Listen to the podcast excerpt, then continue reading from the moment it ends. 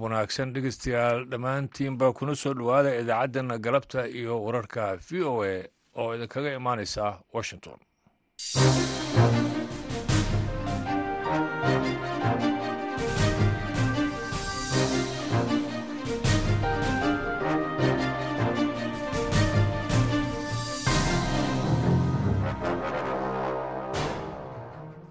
dhegeystayaal waa maalin jimcaha bisha februari ee sanadka labada kun iyo saddex iyo labaatankana waa toddoba iyo toban. Waxaadna haatan naga dhegaysanaysaan mawjadaha gaagaaban ee lix iyo tobanka iyo sagaal iyo tobanka mitrband iyo boggeena v o a somaali com. Saacadduna haatan afrikada bari waa afartii galabnimo galabta iyo wararka v o a waxaa idiin soo jeedinaya anigoo ibraahim xasan daado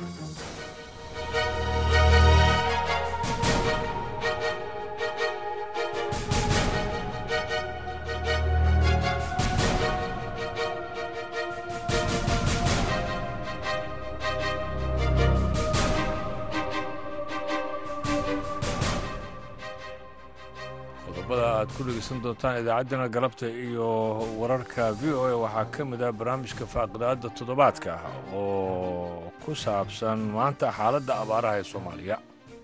Waxaa soomaaliya haddeertaan ay ku dhex nooshahay xaalad lagu tilmaamo shan xilli beereed oo ama roob oo maxaan ku dhahdaa la waayey. Dowladda keliya maahe even hay'adaha caalamiga waxaa ka maqan. Coordinationkia maqan. Wixii wixii isku keeni lahaa ayaa maqan. Hay'adaha caalamka ee samafalka bixiya ee soomaaliya ka shaqeeya sanad walba waxay qabsadaan lacaga aad u fara badan. Taqriiban waxaa la sheegaa ilaa hadda siddeed bilyan oo lacago soomaali in hay'aduhu ay ku sheeganayaan soomaali inay ku bixiyaan. Waxaa kaloo aad dhegaysan doontaan barnaamijka umuuraha islaamka iyo qodobo kale. Marka hore isku soo dhowaada warkii dunida oon idin akhriya anigu waa ibraahim xasan daanduray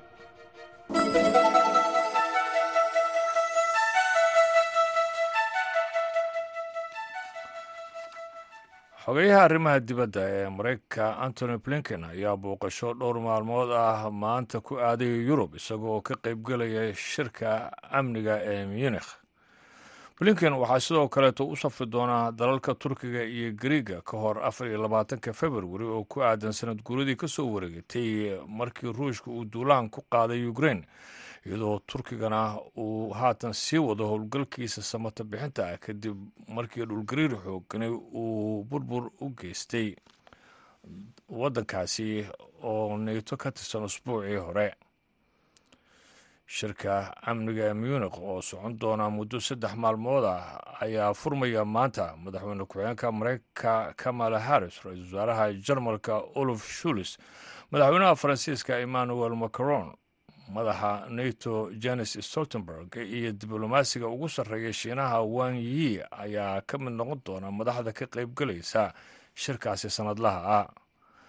Blinken ayaa munik uga qaybgeli doona shirar isdaba joog ah oo looga hadlayo sii wadista taageerada ukrein iyo caawinaadda turkiga iyo dadka suuriya kadib dhulgariirkii xoogga badnaa ee ku dhuftay sida ay sheegtay wasaaradda arrimaha dibadda. Iyadoo dalkaasi ukrein uu isu diyaarinayo weerar cusub oo kaga yimaada ruushka ayaa hogaamiyaasha reer galbeedka ee ku sugan ama tegaya kulanka. Waxay u badan tahay inay cusboonaysiiyaan ballanqaadkooda ah in ay taageeraan kiev sarkaal sare oo ka tirsan waaxda arrimaha dibadda ee maraykanka ayaa sheegay in maraykanka uu ka shaqaynayo xirmo weyn oo gargaaro dhanka ammaanka ah kaasi oo lagu dhawaaqi doono ku dhowaad hal sano ee duulaanka ruushka ka hor. Xirmo kale oo cunaqabateyn cusub ah oo lagu beegsanayo ruushka iyo wakiiladiisa ayaa sidoo kaleeto la fili karaya. Sarkaalkaas sare oo ka tirsan waaxda arrimaha dibadda maraykanka ayaa u sheegay wariyaasha inaysan jirin wax calaamada oo muujinaya in madaxweynaha ruushka valadimir putin dhab ay ka tahay wadahadallada diblomaasiyadeed laakiin maraykanka uu sii wadi doono inuu cadaadis saaro dhaqaalaha ruushka si putin uu ugu qasbo miiska wadaxaajoodka. Samata bixiyaasha ayaa waxa ay soo bandhigeen dad badan oo laga soo badbaadiyey burburka hoostiisa dhulgariirkii lixdii febraayo baabi'iyey qaybo ka mida turkiga iyo suuriya iyadoo ay yaraanayso rajada laga qabo dad nool in la helo hay'adda maareynta masiibooyinka ee turkiga ayaa sheegtay in tirada dadka ku dhintay dhulgariirka ay gaarayso ilaa iyo soddon iyo siddeed kun iyo afartan iyo afar qof taasi oo tirada guud ee dhimashada ee labada dal ee turkiga iyo suuriya ka dhigaysa kow iyo afartan kun toddoba boqol iyo soddon iyo labo. Waxaa ubaala in dhimashadu intaasi ay ka sii badnaan doonto iyadoo kooxaha baadi goobkana ay soo saareen meydad badan oo burburkaasi laga soo hoos bixiyey. Dhulgariirkan oo cabirkiisu u dhammaa toddoba dhibic sideed ayaa noqday masiibadii ugu dhimashada badnayd ee turkiga soo marta taariikhda casriga. In ka badan toban maalmood kadib markii uu dhacay dhulgariirka xoogga badnaa samatabixiyaasha waxa ay habeennimadii xalay ay soo saareen ilmo haweeney iyo laba nin oo ku hoos jiray burburka waxaana haatan shaqaalaha gurmudka ay bilaabeen nadiifinta magaalooyinka uu baabi'iyey dhulgariirka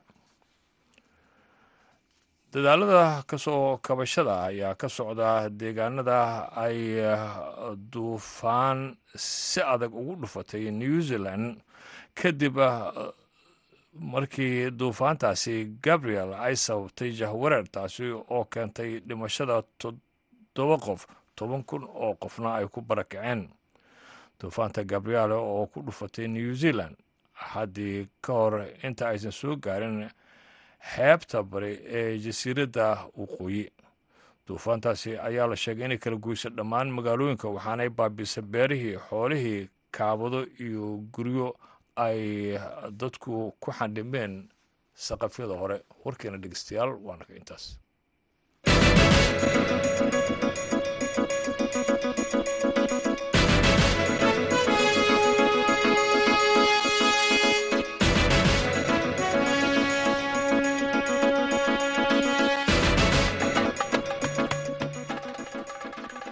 halkaa dhegeystayaal weli nagala socotaan. Waa laanta af soomaaliga v o e washington. Galab wanaagsan ayaan mar kale idin leeyahay. Toddobaadyadii ugu horreeyey ee duulaanka ruushka uu ku qaaday ukrain ayaa qaxootigu waxa ay u carareen waddamada deriska la ah dalkaasi waxaana loo yaboohay in si xur ah ay ugu dhex safri karayaan yurub. Hadda oo colaadda ay ku dhowdahay inay sana jirsato ayaa waxaa keliya ee yabahaasi ka taagan ayaa gaadiid lacag la'aana ama tren isaguu ka tegaya poland oo jarmalka aadaya kaasi oo qarashkiisa ay bixiso dowladda jarmalka dad mutadawiciin ahna ay ka shaqeeyaan. Henry ridgwell ayaa warbixintan waxa uu ka soo diray xuduudda poland iyo ukrain maxamed cabdi xasan ayaa soo jeedinaya.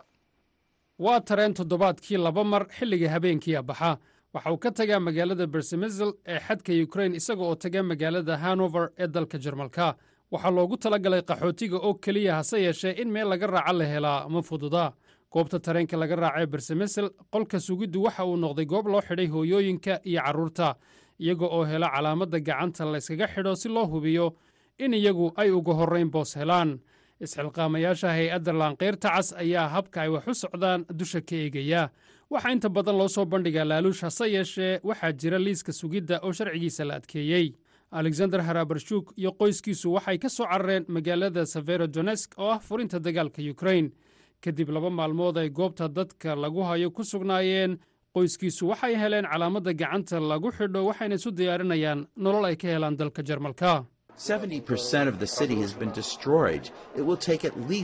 toddobaatan boqolkiiba magaalada waa la burburiyey. Waxay qaadanaysaa ugu yaraan saddex ilaa afar sano in dib loo dhiso. Dabcan waan doonayaa inaan noqdo. Halkaas ayaana ku koray. Aad bay u adkayd inaan ka soo tago. Waxaana arrintan aan u sameeyey carruurta dartood. Qayb kasta oo tareenka ka mida waxaa seexan kara lix qof ama ilaa siddeed qof haddii carruur yaryar ay yihiin sebastian berlin waa isxilqaame ka tirsan hay'adda laanqayrta cas. Waxaan haynaa afar qaybood oo tareenkan uu ka kooban yahay. Waxaana jooga laba boqol iyo toban qof oo calaamaddii gacanta haysta kuwaas oo magaalada hanover u socdaali doona. Waxaan jeclaan lahayn in qaybaha tareennadu ay shan ama lix ahaadaan. Baahi weyn baan u qabnaa in tareen qaybo badan leh aan helo si aan dadka u wada deeqsinno hannaanku waa mid gaabisa qorshana ku socdaa isxilqaamayaashu masaaxo kasta oo ay helaan waxay saarayaan rakaabka iyo xamuulkooda. Qaxootiga doonaya inay jarmalka tagaan ayaa ka badan boosaska tareenka laga heli karo. Dadka qaar ayaa awooday inay iibsadaan tigidhada tareenka baska amaba diyaaradda si ay u tagaan yurubta galbeed amaba meele ka sii fogfog hase yeeshee.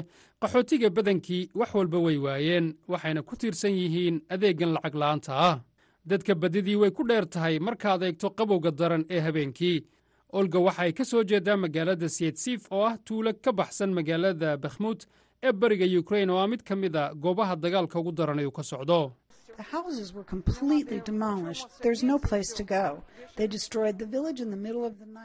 Guryihii gebi ahaanba waa la burburiyey. Meel la tago ma lahan. Tuuladu waxa ay burburiyeen xilli habeen ah ma garanayno meel aan wax ka bilowno. Guri ma iibsan karo. Guri ma dhisan karo. Meel aan ku noolaado ma garanayo. Ma garanayo rajadu sida ay noqonayso. Xilligan la joogo rajada keliya ee jirtaa waa in dagaalka laga carro rajo laga raadiyo taageerada dad aadan aqoonin. Hawsha daabulidda oo laba saacadood socotay laba boqol iyo soddon qof oo qaxooti ah ayaa lagu cidhiidhiyey tareenka iyada oo tiradii loogu tala galay ay labaatan qof dheeraad ku ahaayeen hadda waa tobankiiyo barhkii habeennimo. Tareenku waxa uu ka dhaqaaqay magaalada berzemesel isaga oo lix iyo toban saacadood u soconaya magaalada hanover ee dalka jarmalka. Waa socdaal kale oo dheer oo nolol lagaga raadinayo dhulaan la dabeecad aqoonin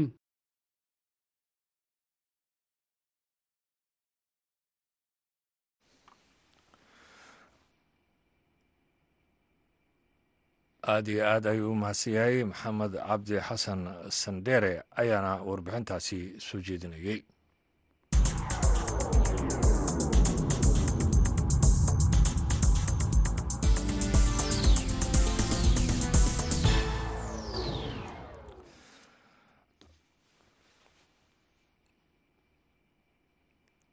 hay'adda xuquuqda aadanaha iyo arrimaha siyaasadda ee ka faalloota arrimahaasi oo fadhigeedu yahay dalkaasi kenya ayaa warbixin ay soo saartay waxay kaga hadashay weerarada la xiriira ururka al-shabaab ee ka dhaca dalkaasi kenya.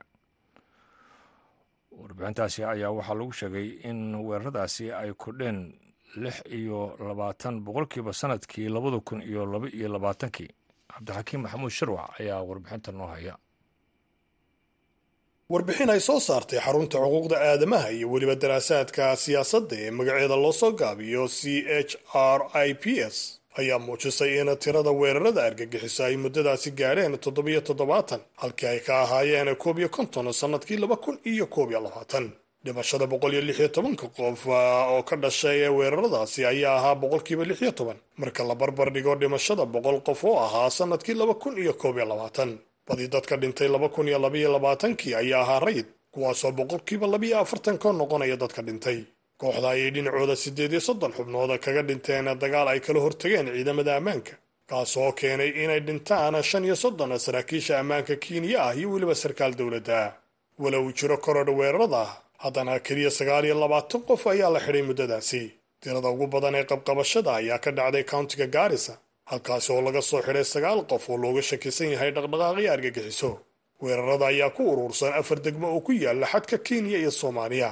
Madheer ayaana ahayd meesha ugu badan ee ay saamaysay iyadoo ay ka dhaceen toddobiyo soddon dhacdo oo argagixiso lala xidhiidhiyey laamo ayaana noqonaysa tallabaad ee ugu badan iyadoo ay ka dhaceen koob iyo labaatan halka ay ku sii xigtay gaarisa oo iyadana ay ka dhaceen sagaal iyo toban iyadoo degmada wajeerna ay waajahday sagaal weerar argagixiso xogtan oo ay soo saartay xaruntan oo magaceeda loo soo gaabiyo c h r i p s ee weerarada argagixisada iyo weliba xadhigga la sameeyey ayaa qiimeyntooda dheerigahi ay muujisay in toddobiyo toddobaatanka weerar ee la sheegay ku dhowaada boqolkiiba konton lala beegsaday saraakiisha ammaanka. Dhacdooyinka lagu beegsaday saraakiisha ammaanka ayaana kordhay shantii sanno ee la soo dhaafay sannadihii laba kun iyo siddeed iyo toban iyo sagaal iyo toban ayaana la diiwaan geliyey lix iyo toban weerar oo dhammaana lagu beegsaday saraakiisha ammaanka iyadoo tiraduna ay ku booday koob iyo afartan sannadkii laba kun iyo labaatankii. Waxaana jiray hoosu dhac la arkay sannadkii laba kun iyo koob iyo labaatankii iyadoo keliya afar iyo labaatan dhacdo la diiwaan geliyey xaruntana c h r i p s ayaa diiwaan gelisay saddex iyo soddon weerar oo la arkay sannadkii laba kun iyo labaiyo labaatan kuwaasoo loola beegsaday saraakiisha ammaanka si ka duwana sannadkii hore laba kun iyo labaiyo labaatankii xadhigga lala xidhiidhiyey argagixiso ayaa laga diiwaan geliyey degmooyinka niyeri nowraka kiwale tanarifa lamu iyo lakibiya aagaasi ayaana waajahay caqabado dhinaca ammaanka ah oo kaga imanaya al-shabaab kuwaasoo beegsanaya gaadiidka ammaanka iyo weliba qaar ka mida tuulooyinka. Weerarada argagixisa ayaa waxyaabaha kale ee lala beegsaday waxaa ka mid a mashaariic ay ka mid yihiin ka dekadda laamu ee loo yaqaano laabsat iyo weliba jidka aada iyo aad ayuu u mahadsan yahay. Warbixintaasi waxaa soo jeedinayay sharwac booliiska dalka kenya oo ay taageerayaan ciidamo militari ayaa bilaabay howlgallo dhinaca amniga ah oo ka dhana burcad iyo hub sharci darro ah oo ku soo badanaya gobolka rift valley. Hay'adaha xuquuqda aadanaha ayaa walaac waxa ay ka muujinayaan in howlgalladaasi ay horseedaan xadgudubyo ay ciidamadu geystaan maxamed yuusuf ayaa warbixintan ka soo diray nairobi waxaana soo koobaysaa saare ciilanuur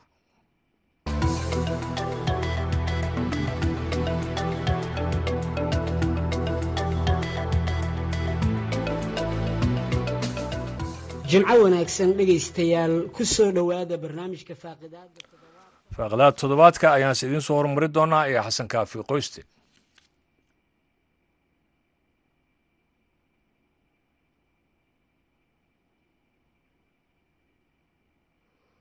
booliiska dalka kenya oo ay taageerayaan ciidamo militariya ayaa howlgallo dhinaca amniga ah ka bilaabay gobolka rift valley oo ay dhowaanahanba ku soo bateen burcad amaba tuugo dhac u geysanaya dadka xoolaha dhaqda ee gobolkaasi ku nool kuwaasi oo la dagaalamaya ciidamada ammaanka iyo dadka deegaankaba.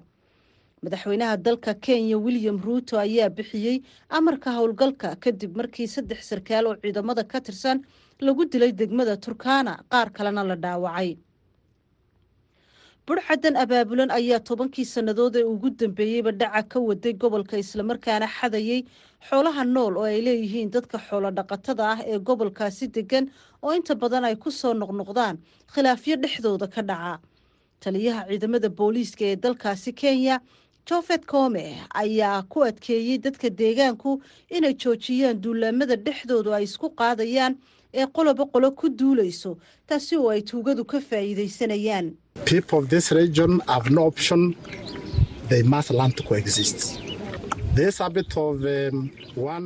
Dadka gobolkan ku nooli ma haystaan jid kale oo aan ahayn inay bartaan sidii ay wadajir uga bixi lahaayeen dhibaatada. Dhaqanka ah in qolo kasta ay ku duusho kuwa kale lama oggolaanayo inuu sii socdo. Awooddeeda waannu leennahay waananu ku dhaqaaqaynaa axmed maxamed oo ah madaxa xarunta daraasaadka amniga iyo istaraatijiyadda ayaa sheegay in tuugada gobolka ka jirta ay aada u danaynayaan inay xadaan xoolaha nool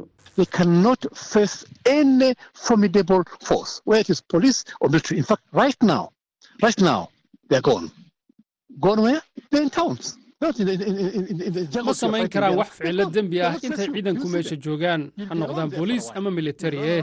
way isqarinayaan xaggee ayay tegayaan magaalada ayay ku dhuumanayaan ismana muujinayaan. Inta aad meesha joogto cabbaar ayay sidaasi isku nabayaan. Waxaad raadin hub waxaad cadaadis saaraysaa dadka deegaanka balse budhcaddii ma jiraan. Badanaa magaalada ayay ku jiraan. Marka ciidanku iska tago ayay halkoodii ka bilaabayaan. Dhaqankii caadada u ahaa ee tuugnimada toddobaadkii hore rag lagu tuhunsan yahay inay ka mid yihiin budhcadda ayaa rasaas ku furay baabuur ay saarnaayeen dad rakaaba oo ku sugnaa degmada turkana. Waxaanay dileen saddex qof oo rakaabka ka mida oo mid ka midihii uu ahaa arday. David bokosing oo ah xildhibaan laga soo doorto koonfurta gobolka rift valley ayaa ammaandarrada gobolkaasi ku soo noqnoqoto ku eedeeyey khilaafyada joogtada ah ee dhex mara qabiilkiisa iyo kuwa dega degmada turkana There's no order of grazing or or or let's say drinking water, and therefore the Pokot can push themselves to the river, and maybe this river is on the side in terms of administration of Turkana. dhinaca bulshadaydu degto ee bakood ma jiraan biyo la cabo iyo adeegyada kale ay u baahan yihiin dadku. sidaa darteed reer bakood waxay u guuraan dhinaca webiga webigana waxaa agdega qabiilka turkaanada kuwaasoo u arkaa in dhulkoodii lagu soo xadgudbay taasi ayaana keenaysa isku dhaca dhex mara labada qabiil ee gobolka ku dagaalama. Axmed maxamed oo ah madaxa xarunta daraasaadka amniga iyo istaraatijiyadda ayaa mar kale sheegay in dowladda looga baahan yahay inay samayso adeegyo badan oo dadweynuhu u baahan yihiin oo ah kaabayaasha horumarineed si loo yareeyo xoolaha la xadayo a lot of animals. They have they have gone down in terms of numbers, and therefore, when they see others who are doing well, they'll definitely go for them. Definitely. So the drought, climate dadka bulshada ka mid a ee xoolahoodii waayey way caydhoobeen sidaa darteed markay arkaan dadka kaleo xaaladoodu ay wanaagsan tahay waxay ku dhaqaaqayaan inay xaggooda aadaan oo ay xoolahooda damcaan. abaarta isbeddelka cimiladu waxay raad muuqda ku yeesheen xaaladda. Sidaa darteed waa in lagu darsadaa qorshaha mustaqbalka dowladdu waa inay ka fikirtaa horumarinta waa inay ka fikirtaa ka hor intaan xoolaha laga fikirin. Tallaabooyinkaasi oo dhammi waxay sahlayaan in loo adeegsado in nolosha dadku ay xasisho. Howlgalkan ciidanka waxaa kale oo ku jira in dib loo soo celiyo xoolihii la xaday amaba dib loo caawiyo dadkii xooluhu ka baxeen si loo suurtogeliyo in bulshadu si nabadgelyo ah iskugu dhex socoto amaba ay iskugu gudbaan iyadoo badeecooyinkooduna si nabadgelyo ah ay isku dhex gooshi karaan dadkana noloshoodu ay ku soo noqoto xasilooni. Sahre ciidla nuur ayaana warbixintaasi soo jeedinaysa halkaa dhegeystayaal weli nagala socotaana waa washington. Haatana waa faaqidada toddobaadka. Waxaan ku eegeynaa xaaladda abaaraha soomaaliya iyo qayla dhaanta hay'adaha gargaarka ee soo taraya. Waxaa soo jeedinaya xasan kaafi cabdiraxmaan qooste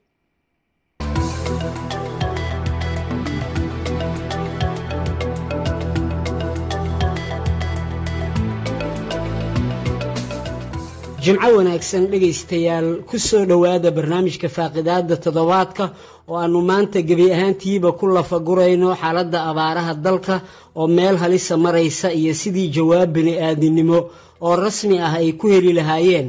Dadka ay abaaruhu saameeyeen oo gaaraya siddeed milyan oo soomaali ah kuwaasoo sida hore loo shaaciyey hal milyan iyo afar boqol oo kun oo ka mid ahi ay yihiin carruur la ildaran nafaqa darro. Barnaamijka waxaa maanta marti ku ah oo ka qayb qaadanaya wasiirkii hore beeraha cabdi axmed baafo doctor axmed daahir shaafi oo bartay siyaasadda iyo xiriirka caalamiga iyo duniye maxamed cali oo ka tirsan ururada bulshada rayidka. Dhammaantiin ku soo dhowaada barnaamijka faaqidaadda su'aasha ugu horreysa haddii aan ku bilaabo wasiir baafo dowladda soomaaliya iyo hay'adaha caalamiga ee ka shaqeeya arrimaha gargaarka ayaa dhowaan ku dhawaaqay inay u baahan yihiin adduun dhan laba bilyan iyo lix boqol oo milyuun oo dollar si wax looga qabto xaaladaha abaaraha sanadka labada kun iyo saddex iyo labaatanka. Waxaana hay'aduhu sidoo kale ay sheegeen in siddeed milyan iyo laba boqol iyo konton kun oo qof oo ku jira xaalad adag ay gurmad deg dega u baahan yihiin haddaba sidee u aragtaa qayladhaanta xilligan hay'adaha gargaarka ka imanaysa? Maxaase dhici kara haddii aan dhaqaalahaasi la helin? Awalan bismillahi raxmaan raxiim abaaraha kan iyo ka hadalkooda muddaba waan ku dhex jirnay maartay. Waxaa soomaaliya hadeertaan ay ku dhex nooshahay xaalad lagu tilmaamo shan xilli beereed oo ama roob oo maxaan ku dhahdaa la waayey. Marka wax cusub ma ahan laakiin maxaa caado u ah hay'adaha caalamiga?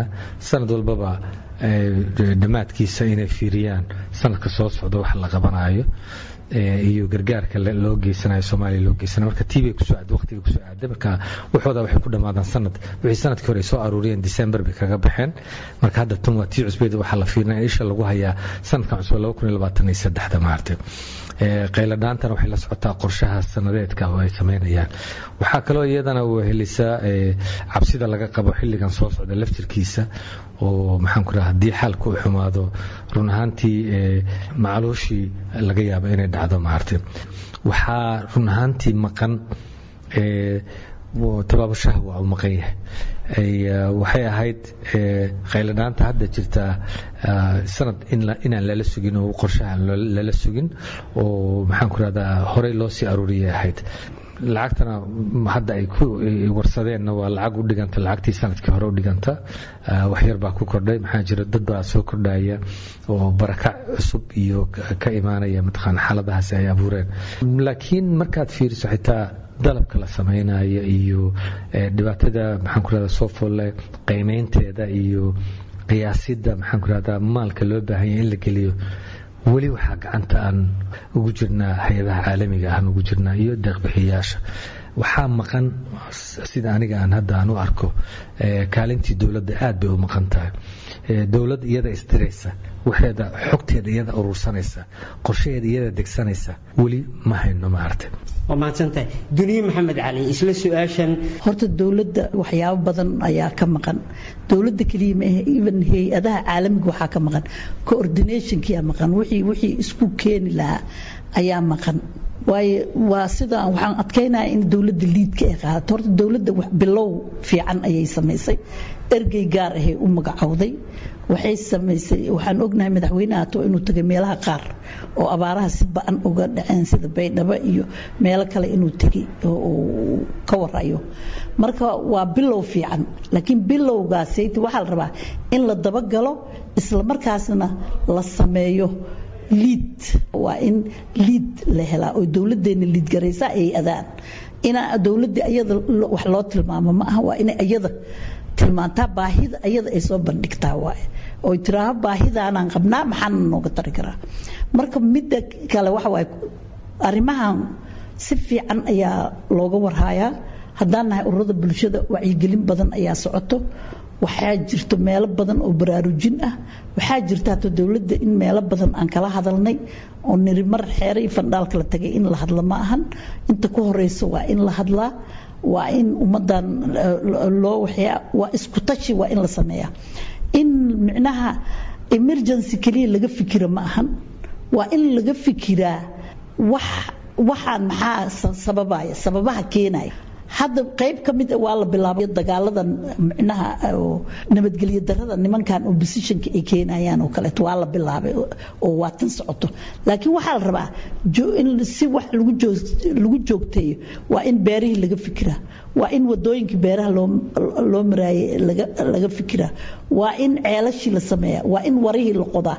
Waayo markii roobda waxaan arkaynaa in daad dad qaadayo beerihii in ay ba'ayaan waxaasoo dhan waxa waaye in la isku wado waaye emergency keliya. Caalamkuna ma aha inuu ku mashquulo wax degdeg xaalad degdeg ah oo mar kastaba xaalad degdeg aan ku jiro hadda waxaa saadaasha la sii sheegay guga inuu roob yaraanayo. Waa la ogyahay marka waa in laga sii fikiraa roob yaridaas hadday imaato. Maxaa la qaban karaa? Isku tashi waa inuu jiraa doctor shaafihay maxaa waqtigan ku soo beegay qayladhaanta hay'adaha gargaarka? Wasiirka iyo walaal duniba inta labada salaamaya adiguna waad mahadsan tahay. V-oduna iyo dhegeystayaasheeduna way mahadsan yihiin. Intaa kadib shacabka soomaaliyeed si guud ahaan abaaraa ku dhacay. Si hore loo sheegay lix ama shan waqti roobeed oo roobku yaraabaa jiray. Shacabka soomaaliyeed oo markii horeba amni la'aan hayay. Beerihii iyo dadku inay wax fashaan ama wax soo saartaan wax soo saarkii soomaaliyeedna uu dee intay dowladdii dhacdayba eber ahaa ama uu aada u liitay. Waxyaalahaas oo dhan oo isu tegtegay ayaa abaarahan keenaya. Hay'adaha caalamka ee samafalka bixiya soomaaliya ka shaqeeya sanad walba waxay qabsadaan lacaga aada u fara badan. Taqriiban waxaa la sheegaa ilaa hadda bilyan oo lacaga soomaali in hay'aduhu ay ku sheeganayaan soomaali inay ku bixiyaan taas marka waxay tusinaysaa sideed bilyan meel lagu bixiyay annagu ma aragna hadda. Ergeyga gaarka ee madaxweynaha arrimaha samafalka maalidhaweed uu shir qabanayay wuxuu ka dhawaajiyey su'aashaasuu isweydiiyey xaggee lacagtaasi aaday. Yani sideed bilyan oo lacag ah waddan la geliyey nooma muuqdo saa darteed hay'aduhu sanad walba lacag bay qabsadaan waxaad moodaa marka inay ka faa'iidaysteen maadaama maamulkii soomaaliyeed dowlad dhexe oo soomaaliyeed oo wax ilaalisa oo iyadu wax qorshaysa oo iyadu wax toojihisa oo iyadu awaamir bixisa oo meesha baahidu ka jirto iyo dad waxay u baahan yihiin wakhtiga munaasabkaa iyo dadka munaasabka ku ah aan iyadu qorshayn karin maadaamay jirto. Waxay ka faa'iidaysteen hay'aduhu firaaqaa jira ama goldoloolada jira ayay horta ka faa'iidaysteen. Dunya dowladda soomaaliya waxay dagaalo kula jirtaa ururka al-shabaab. Dhinaca kalena dalka waxaa ka jira abaaro ba'an oo lagu riiqday oo barakiciyey beeralaydii iyo xoololeydiiba haddaba dowladdu awood ma u leedahay inay wakhtigan isku wado dagaalka al-shabaab iyo abaaraha dalka ka dhacay. Bismillahi raxmaan raxiim waa haa waa isku wadi kartaa sababta waxa waaye abaarta badankeed waxaan ognahay tii alle gooni waaye iyo roobkii oo yaraaday. Laakiin abaarta badankeed waxa keenay waxa waaye nabad darada waaye. Dadkan hadda lala dagaalamaya oo oppositionka ah ayaa sababay. Sababtoo ah meelihii ay ugu fiicnaa oo wax soo saarka webiyadii iyo meelihii wax soo saarka oo dhan ayagaa ku habsaday shan iyo toban sano ayay haysteen shan iyo toban sano ayaa wadooyinkii la marin layaa wax. Waxaad ogtaato gargaarkii haddii la helo in muxuu ahaa uu ku baxaayo muxuu daabulidiisi. Waxaa keenayana dagaalkan haddaan laga salgaarin oo dowladda dagaalkan ay qaadin. Waxa waaye weligeed waa lagu jirayaa dhibaatada sababto ee waxa waaye maanta waxaa arkaysaa dayaarad gargaar baa la keenay. Dayaaradda intay qaadanaysaa. Maxayse qaadi kartaa waaye gargaarkii meeshii ugu xoog badneed oo la marin lahaa waa dhulkii. Dhulkiina ayagaa haystay. Waad ogtahay hato heer waxay soo gaarsiiyeen.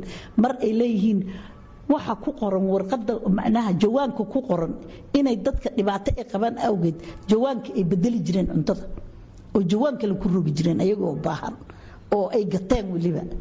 Marka waxa waaye dagaalka waqtigii loo baahnaa waana loo baahan yahay. Haddaan dagaalka la qaadinna waxa waaye abaarihii ayagaaba koosgareeyey dagaalka waxa koosgareeyeyba waxa waaye shan iyo tobankaas sano oo af iyo urba uu bixi waaye. Haddii la iska fadhiyo oo wixii waa meeshii way ka sii dari lahayd intana way ka sii darnaan lahayd laakiin hadda waxaad arkaysaa maalmahan in baabuur lagu maraayo oo ilaa galguduud la gaarayo meelo badan micnaha hididiilo waaye.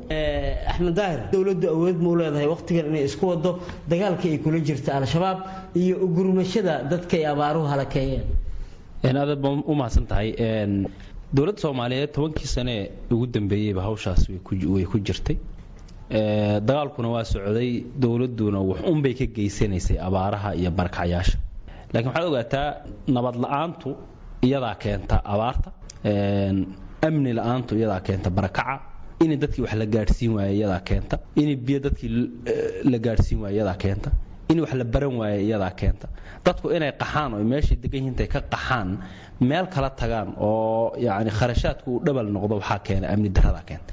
Dowladdu waa inay amniga ay ay maxay ahayd culays saarto. Inta ay amniga culays saarayso waxa oo kale oo dhan waa in ay balaambii ka dhigto. Maxaa yeele haddii aan amni hello dadkeenna waan u gurman karaa haddaan amni hello dadku waa la gaari karaa dhaqaale la gaadhsiin karaa dadku iyakaa wax beeran kara saa darteed waxaan waa la isku wadi karaa. Dowladdu lacaga fara badan oo ay hadda ku bixiso iyadu ay ku bixiso abaaraha iyo dadka inay u gurmata ma haysato. Dowladda soomaaliyeed waan ognahay duruufteeda. Saa darteed waxa ay awooddo waxa waaye inay dhulka xorayso oy amniga boqolkiiba boqol ay fokus saartaan qabaa haddii abaarihiina inay ka jawaabto oy hay'adaha la hadasho oy qayladhaan gudbiso. Dowladaha aan walaalaha nahay ee ama dhanka xidhiirka aan walaalo ka nahay ama xagga muslimnimadka islaamnimadka aan ka nahay gaar ahaan dowladaha khaliijka oo kale in ay qayladhaan u gudbiso oo hay'adahoodu ay mucaawime dadka gaadhsiiyaanna waa shaqo dowladda u taalla. Wasiir baafo.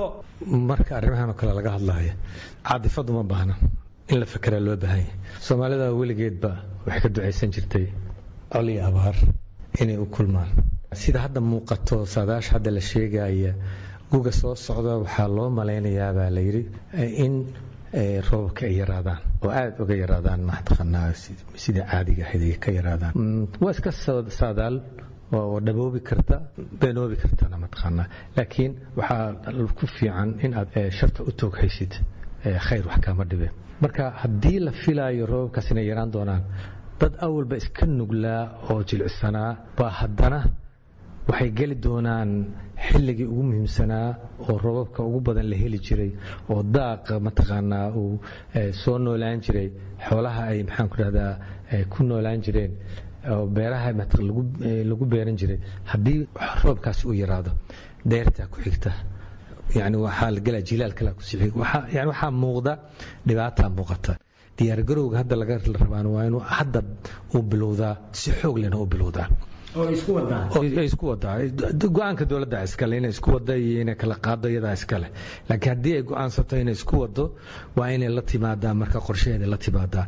Yani dadkaa barakici doona oo imaan doona waxay imaan doonaan wakti aan dadkii kaloo la joogeen ayn waxna u tari karin maxaan ku rahdaa ayagana ay aada u nuglaan doonaan. Marka diyaargarowga xoogga loo loo baahan yahay micnaheedu waxay tahay dowladda waxa ay canshuuraha u aruuriso inay hadda beekhaamiso hay'adaha gargaarka caqabadaha haysta waxaa ka mid a haddiiba gargaar la helo inay adag tahay sidii lagu gaarsiin lahaa dadka ku sugan deegaanada al-shabaab ay ku sugan yihiin. Marka maxay tahay taladaada ku aadan sida arrintaasi wax looga qaban karo? Ansiyo doctor shaaf. Waxaan qabaa hore waxaan u sheegnay dowladdu shaqadeeda ugu muhiimsan ay qaban doonto bilaha soo socota inay noqoto inta aan la gaadhin wakhtiyada laga dayrinhayo ee abaaraha adag inay dhacaan laga cabsanayo dowladdu waa inay isku daydo inay dalka intiisa ugu muhiimsan gacanta ku dhigto. Oo dagaalkan maalinna istaagaya maalinna dhaqaaqaya in haddii laga baaqsan karo ay dowladdu ka baaqsato. Dowladdu ciidankeeda iyo hay'adaheeda amnigu ay isku dayaan wakhtiga ugu ugu horeysa ama ugu dhaqsida ugu dhaqsiyaha badan inay dalka gacanta intiisa badan gacanta ku dhigaan. Kaa waa qodob. Qodobka labaad hay'aduhu waa inay istaraatiijiyad sameeyaan iyagoo kaashanaya hay'adaha amniga iyo hay'adaha ururada maxalliga ah in bulshadaas meelo ay isugu yimaadaan oo lagu gaadhsiin kara gargaarka hadday biyo ahaatay iyo haddii ay meelay galaan oo markaas si kumeel gaadha ay u deganaadaanba waa in meelaha ugu dhowdhow ee gobollada laga gaari karo astaan ahaan laga dhigo si haddii intaa laga gaari waayo in dalka la xoreeyo shacabka meelahaas loo tilmaamo meelahaasna macaawimo lagu gaarsiiyo inahaasaan dhihi lahaa leanno kolley hadda shabaab kama filaayo in meelaha ay joogaan intay hay'ado tagaan ay gargaar gaarsiiyaan horey maanaan kolley uga baranin. Saa darteed waxaan is leeyahay inay dowladdu iyadu qorshaheeda ku darsato. Wasiir baafo maxay tahay taladaada ku aadan sida dadka goobahaas ku dhibaataysan al-shabaabku gacanta ku hayaan sidii wax lagu gaarsiin lahaa? Horta sidii ilaa ay hadeertaan loo soo dhaqmaya markaad fiiriso meesha ay joogaan al-shabaabka meeshuu jooga isagaa ka taliya cid kalena uma ogola inay meesha timaado wax bixiso. Laba jid baa dadka meesha u furan marka. Labada qolo qolada wax bixinaysa inay ayaga heshiis la galaanoo meesha loo ogolaado inay dadka wax ugeeyaan ama inay dadka markii laga xirto ay ka soo qaxaan joogaan oo halka kan ay soo aadaan meelay ka heli karaan maarata waqtigaas waxay ahayd waqti dowladda aynan dagaal ku qaadin maarata hadda siyaasaddii dowladda way isbedeshay dowladda maxay samayn doontaa? Ma dagaalkay sii wadi doontaa? Meeshay ugu tegi doontaa? Mise waxay noqon doontaa xawliga hadda lagu socdo markaad aragto in maxaan ku rahda la gaari waayo. Haddii la gaari waayona dad badanoo waxaa dhici doona inta wax ku yimaadaan loona tegi waayo cid ka shaqaysaana la waaye mataqaana markaa dadku way soo qaxi doonaan. Hadday soo qaxaanna waxa weeye magaalay ku soo qaxayaan.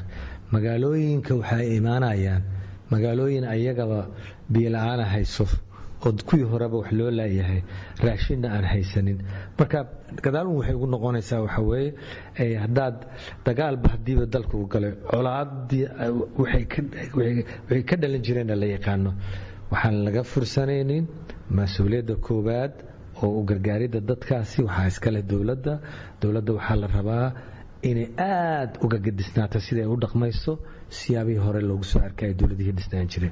Maxaa jira mas'uuliyadihii hore? Waxaa la saari jiray hay'adahan caalamiga ah iyo deeqbixiyaasha. Tan waxa ay mas'uuliyadda saaraysaa dowladda soomaaliyeed bay saaraysaa. Dowladda soomaaliyeed waa inayna dhayilsan waa in qorshe cad ay yeelataa waa in maxaan ku rahdaa ayaan hadda inay hurdo isu diiddo oo loo soo jeesto oo wixii lagala tashan karo dadweynaha lagala tashan karo wixii iyada tale ay haysaba waa in hadeertaan aada u cadaadaan mahadsantahay duniya haye? Dowladda ayaa la rabaa qorsho inay la timaado oo aan hadal ahayn ee ficil la jiro. Waa in micnaha qaabkii lagu geyn karo. Ma ahan in hay'ad caalami keligeed lagu daayo oo hadba laba kartoon ay ku geyso laba kartoon ay ku geyso dayaarad saddex iyo labaatan kunoo doolar lagu ijaaray laba kartoonoo oo faleebe ah inay meel ku geeyaan ma aha. Waa in la xisaabtan adag yaa accountable ay u noqoto dowladeen liidkana inay yeelato. Ayna la tashato dadka waaye aragga ah. Ay la tashato wax waa laga qaban karaa meelaha shabaab haystaan. Tusaale yar markaan kuu soo qaado hay'ad aniga aan la shaqeeyo maxalli ah ayaa waxay suubisay saddex sano ka shaqaynaysay kanaal la dhaho brima sekundaria meeshay ugu badan yihiinna waa waxa waaye ma diidi karaan shacabka haddii wixii gacanta laga saaro oo ayagii ay wixii wax soo saarkeena meesha laga keenaya galley cagaartooyda ay w f b ka keenayso markay beeraha baxaan. Haddii galleyda iyaga soo saartaan laga gado oo shacabkii meesha deganaa ayaga la maalgeliyo oo kontractka ayaga la siiyo oo hay'adihii lacagtii wadeen meesha looga gato ma dhihi karaan lacagtiina ma gadanaysin shabaab mana xukumi karaan. Qidooyin badan iyo foormalo badan ayaa jirto oo wax lagu siin jiray oo dadka wax lagu gaarsiin jiray. Laakiin haddii loo daayo international n g o oo doonar uu lacagtii soo siiyo oo inta dayaarad la raacaan laba kartoon oo buskud ah marba meel ka dejiyaan taas ma anfacayso dowladda waxa waaye qorsho ha yeelato? Dhegaystayaal haddii aan idin xasuusiyo intiina dhowaan nagu soo biirtay weli waxaynu ku dhex jirnaa barnaamijka faaqidaada toddobaadka oo aanu maanta ku gorfaynayno xaaladda abaaraha dalka iyo qaabka loo samata bixin karo dadkay abaaruhu waxyeeleeyeen. Waxaana barnaamijka marti ku ah wasiirkii hore beeraha cabdi axmed baafo doctor axmed daahir shaafi oo bartay siyaasadda iyo xiriirka caalamiga iyo duniye maxamed cali oo ka tirsan ururada bulshada rayidka aan u soo laabto barnaamijka. Wasiir baafo meelaha ay soo buuxdhaafiyeen dadka deegaanadooda abaaraha uga soo barakacay. Waxaa ka mid a duleedka magaalada muqdisho ay ku sugan yihiin kumanaan qoys oo aan haysan waxay dhuunta mariyaan. Hoy ay degaan iyo biyo nadiifa oo ay cabbaan. Haddaba sidee dadkaasi wax loogu qaban karaa? Magaalada xamar markaad tidhaahdid iyo agagaaraheedana dowladda dhexena mas'uuliyad baa saaran dowlad goboleedkana mas'uuliyad baa saaran waxaan hubaa in hadda waxyaabo badan ay socdaan uun laakiin dadaalkii la rabay weli waa maqan yahay. Dadkaasina waxay intooda badan waxay ku nool yihiin muruqooda maarta magaaladay ka xoogsadaan. Waana waadna soo aragtay dhibaatada ay ku jiraan. Hogaanka marka la leeyahay waxaa la rabo waxaa weeye wakhtiga dhibaatada lagu jiro in laga arko. Maxaan qabaa xamar dadka joogaa dad waxaa ka buuxa diyaar la ah inay deeqdooda ay gaarsiiyaan dadkaasi gaarsiiyaan. Laakiin haddii abaabulka uu maqan yahay ayagana dareenka uu ka maqan yahay suuragal maaha dadkaasi inay wax gaaraan. Bismillahi raxmaan raxiim horta arrintaasaytu wax badanaan ka hadalnay. Maamulka gobolkana waa kala hadalnay. Waxyaabaha laga qaban karo iyo sida wax looga qaban karo. Ilaa hadda tallaabo uu qaaday ma arkin. Laakiin wuuba cusub yahayo waa u kaadinaynaa laakiin waxa wax looga qaban karo waxa waaye dhibaatada saa ula socotid adiga qoysta eh ma la socdo. Dadkan korkooda dad baa ku shaqaysto. Maalin kasta xeraa meel baa lagu geed qaadaa. Dad la dhaho horjoogyaal dad bay ugu xaraysan yihiin meel. Waxa la siiyo ama hay'ad ha bixiso ama qof muxsin ha bixiye kala goys waayo. Inta lagu fafadhiisiye raashinka ayaa boqol boqol shilin oo shilin soomaaliya la siiyaa inta kalena la qaataa waxaas dowladda nagama indha yara way og tahay way ka warqabaan. Waxaas horta in laga xoreeyo waa in dhul la siiyaa dadkan. Ya dhulkiina dowladda iskaleho bixin karto. Waa in horta dhul dib u dejin la siiyaa maalin kastaba goofa inta lagu fasho oo uga lacag qaato ayaa haddana laga dumiyaa haddana meel kalaa loo raraa. Qof baaba dadka naftirkiisa slaftareedkiiba xilligii adoonsigayba ku jiraanba qaxidaas keliya la arkaaye hoos ahaan waaba dad la haystayaal. Ah marka dadkan dowladdu way ogtahay nagama indha yaree nagamana dhega yare eh muddayna joogan weliba waxaan ku rajoweynahay labada qof oo madaxweynaha iyo ra'iisul wasaaraha maanta ah. Waa dad joogay soddonkii sano meeshaan nala joogay waa dad bulshada rayidka ka mid ah. Waa dad dhibka aan maanta arkayna shalay arkaaye. Ayagaa laga rabaa inay dhul bixiyaan oo dhul deegaana siiyaan. Dadkaas isla markaasna qorsho ama dib u dejin loo sameeyo ama dad magaaladii ka mid ah loo yeelo oo loo sameeyo. Hataa waxaa jirtay mar lix iyo tobanka degmo annaga nadaafadda nadaafadan naftirkeeda food for worka loo sameyn karaa. Dadkiina shaqaa loo abuuri karaa. Lacagtan uu ninka qofkan qaadanayo bixinayo hay'adan bixinayso jeebkeeda ku dhacaysa boqolka la leeyahay waxaa e v c a loogu tuuraya een qofkiina gaaraynin waxna ummadii u qabanayno qofkiina howlgab ka dhigayso waxaa loo baahan yahay lacagta ayada ah in magaaladiina waa lagu qurxin karaa ayagana shaqaa loogu abuuri karaa oo shaqa abuur magaaladiina waa lagu nadiifi karaa ayagana cuntadoodii qof uma soo xaadiri karo oo raashin ahaanaa loo siin karaa dhaqaale ahaanaa loo siin karaa doctor shaafi dadkan duleedka muqdisho dhooban ee gobollada fog ka yimid ee abaaruhu soo dhibaateeyeen ee halkan raashinka biyaha iyo hoyla-aanta ku ah sidee wax loogu qaban karaa? Horta waxaan is leeyahay sagaashan iyo kowgii laga soo bilaabo ilaa maanta soomaalidu khibrad fiican bay u leedahay isgarab istaagga iyo inay walaalahood kolba meeshii baahan wax la gaadhsiiyo khibrad baan u leenahay. Intaasna dadkii taagnaa ururada bulshada ay walaasheen dunya ka mid tahay iyo iyo culimmada soomaaliyeed iyo ganacsatada oo la iskaashanayo. Yaa inta badan hormuud u ah.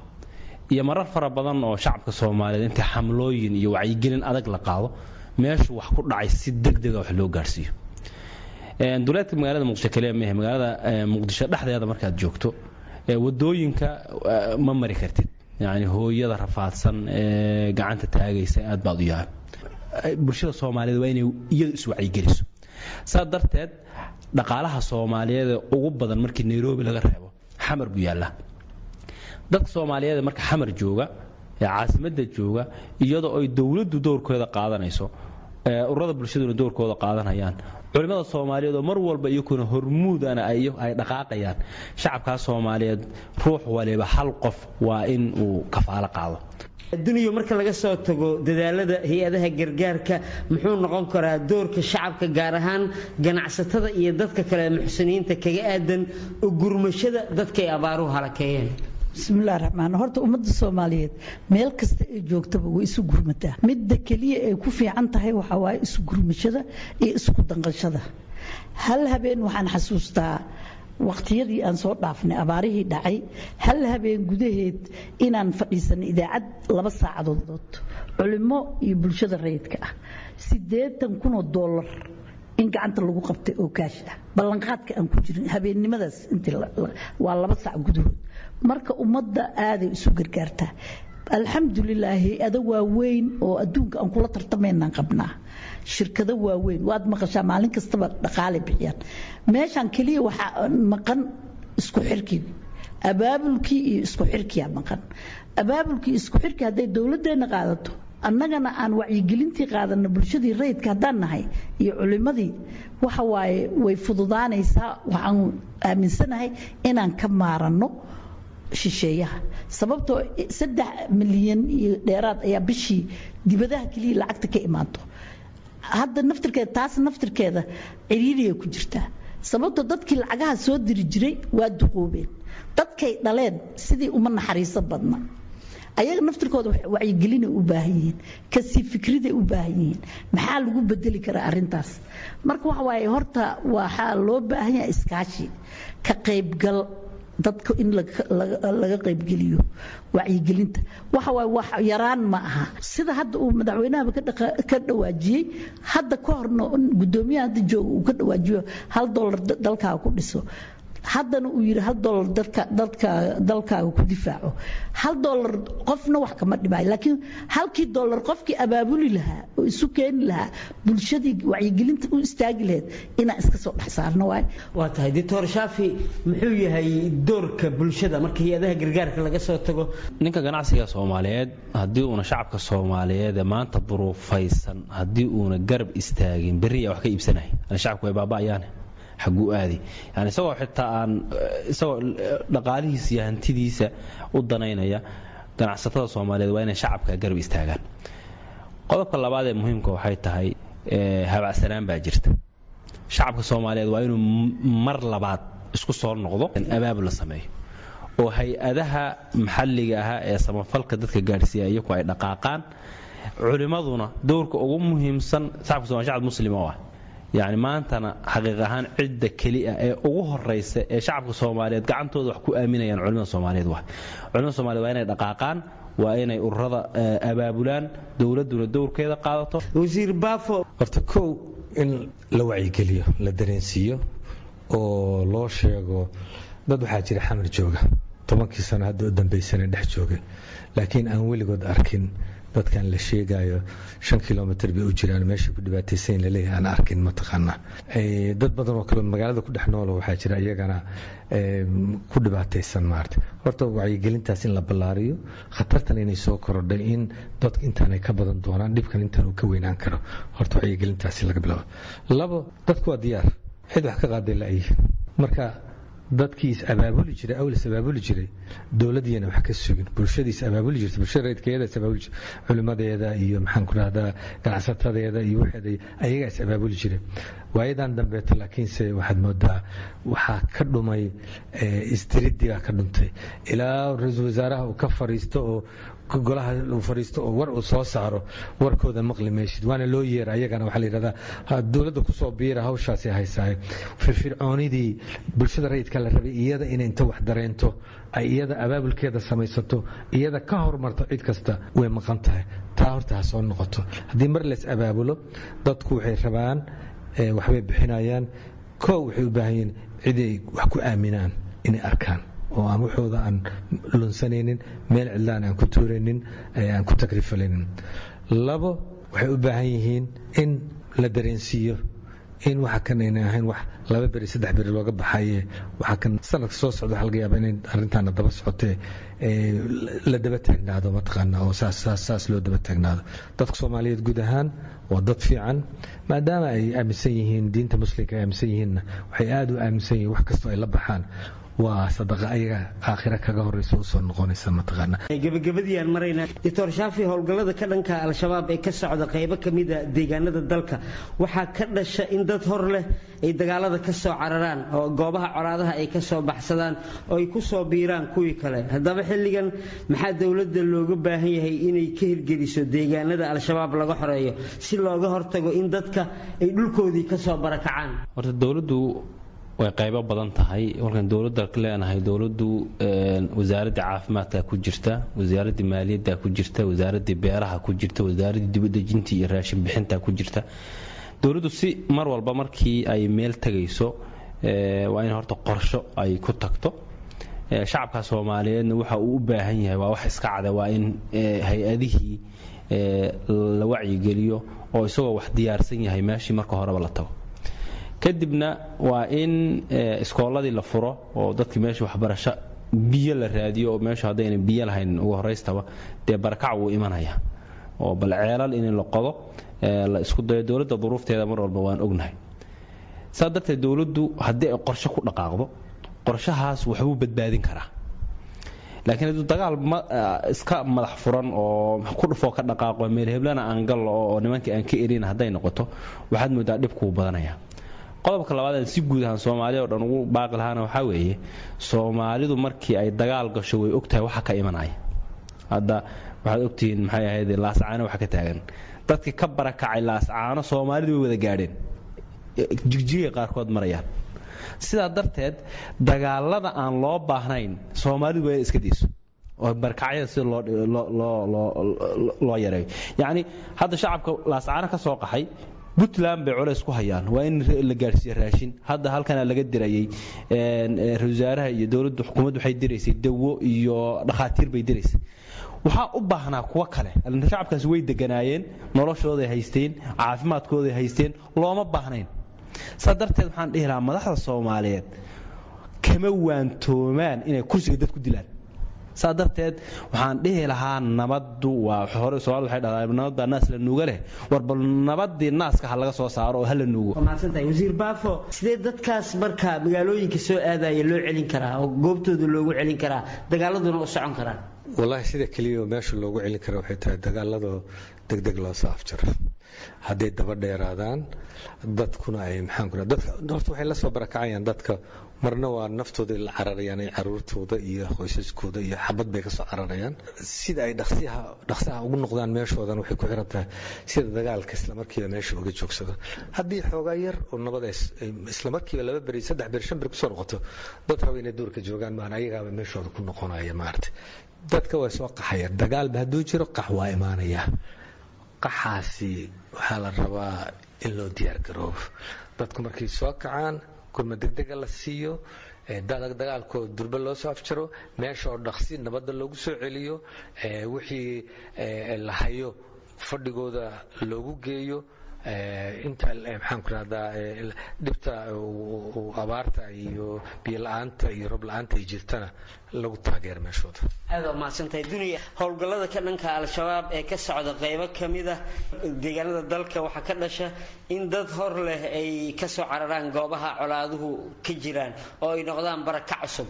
Haddaba si aysan taasi u dhacin maxaa dowladda looga baahan yahay?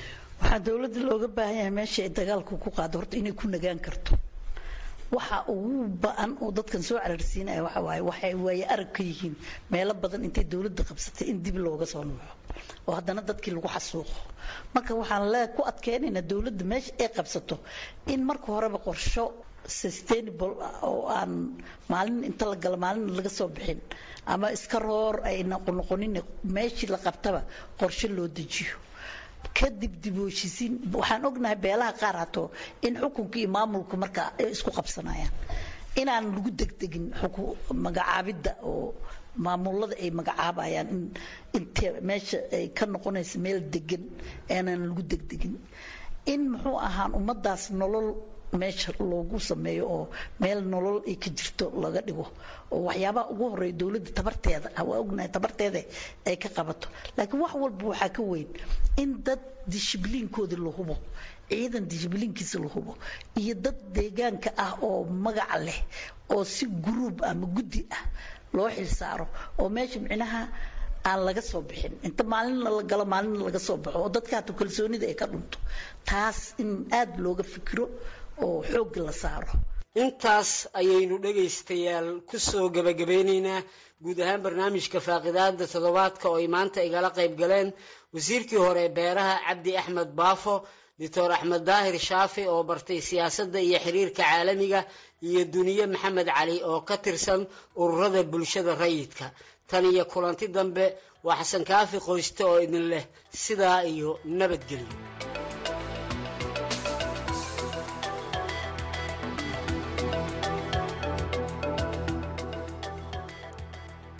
galab wanaagsan ayaan dhegeystayaal mar kale idin leeyahay. Waxaad nagala socotaan idaacaddeenna galabta iyo wararka v o a oo idin kaga imaaneysaa washington. Haatanna xaggii muusica ayaan jilleecaynaa.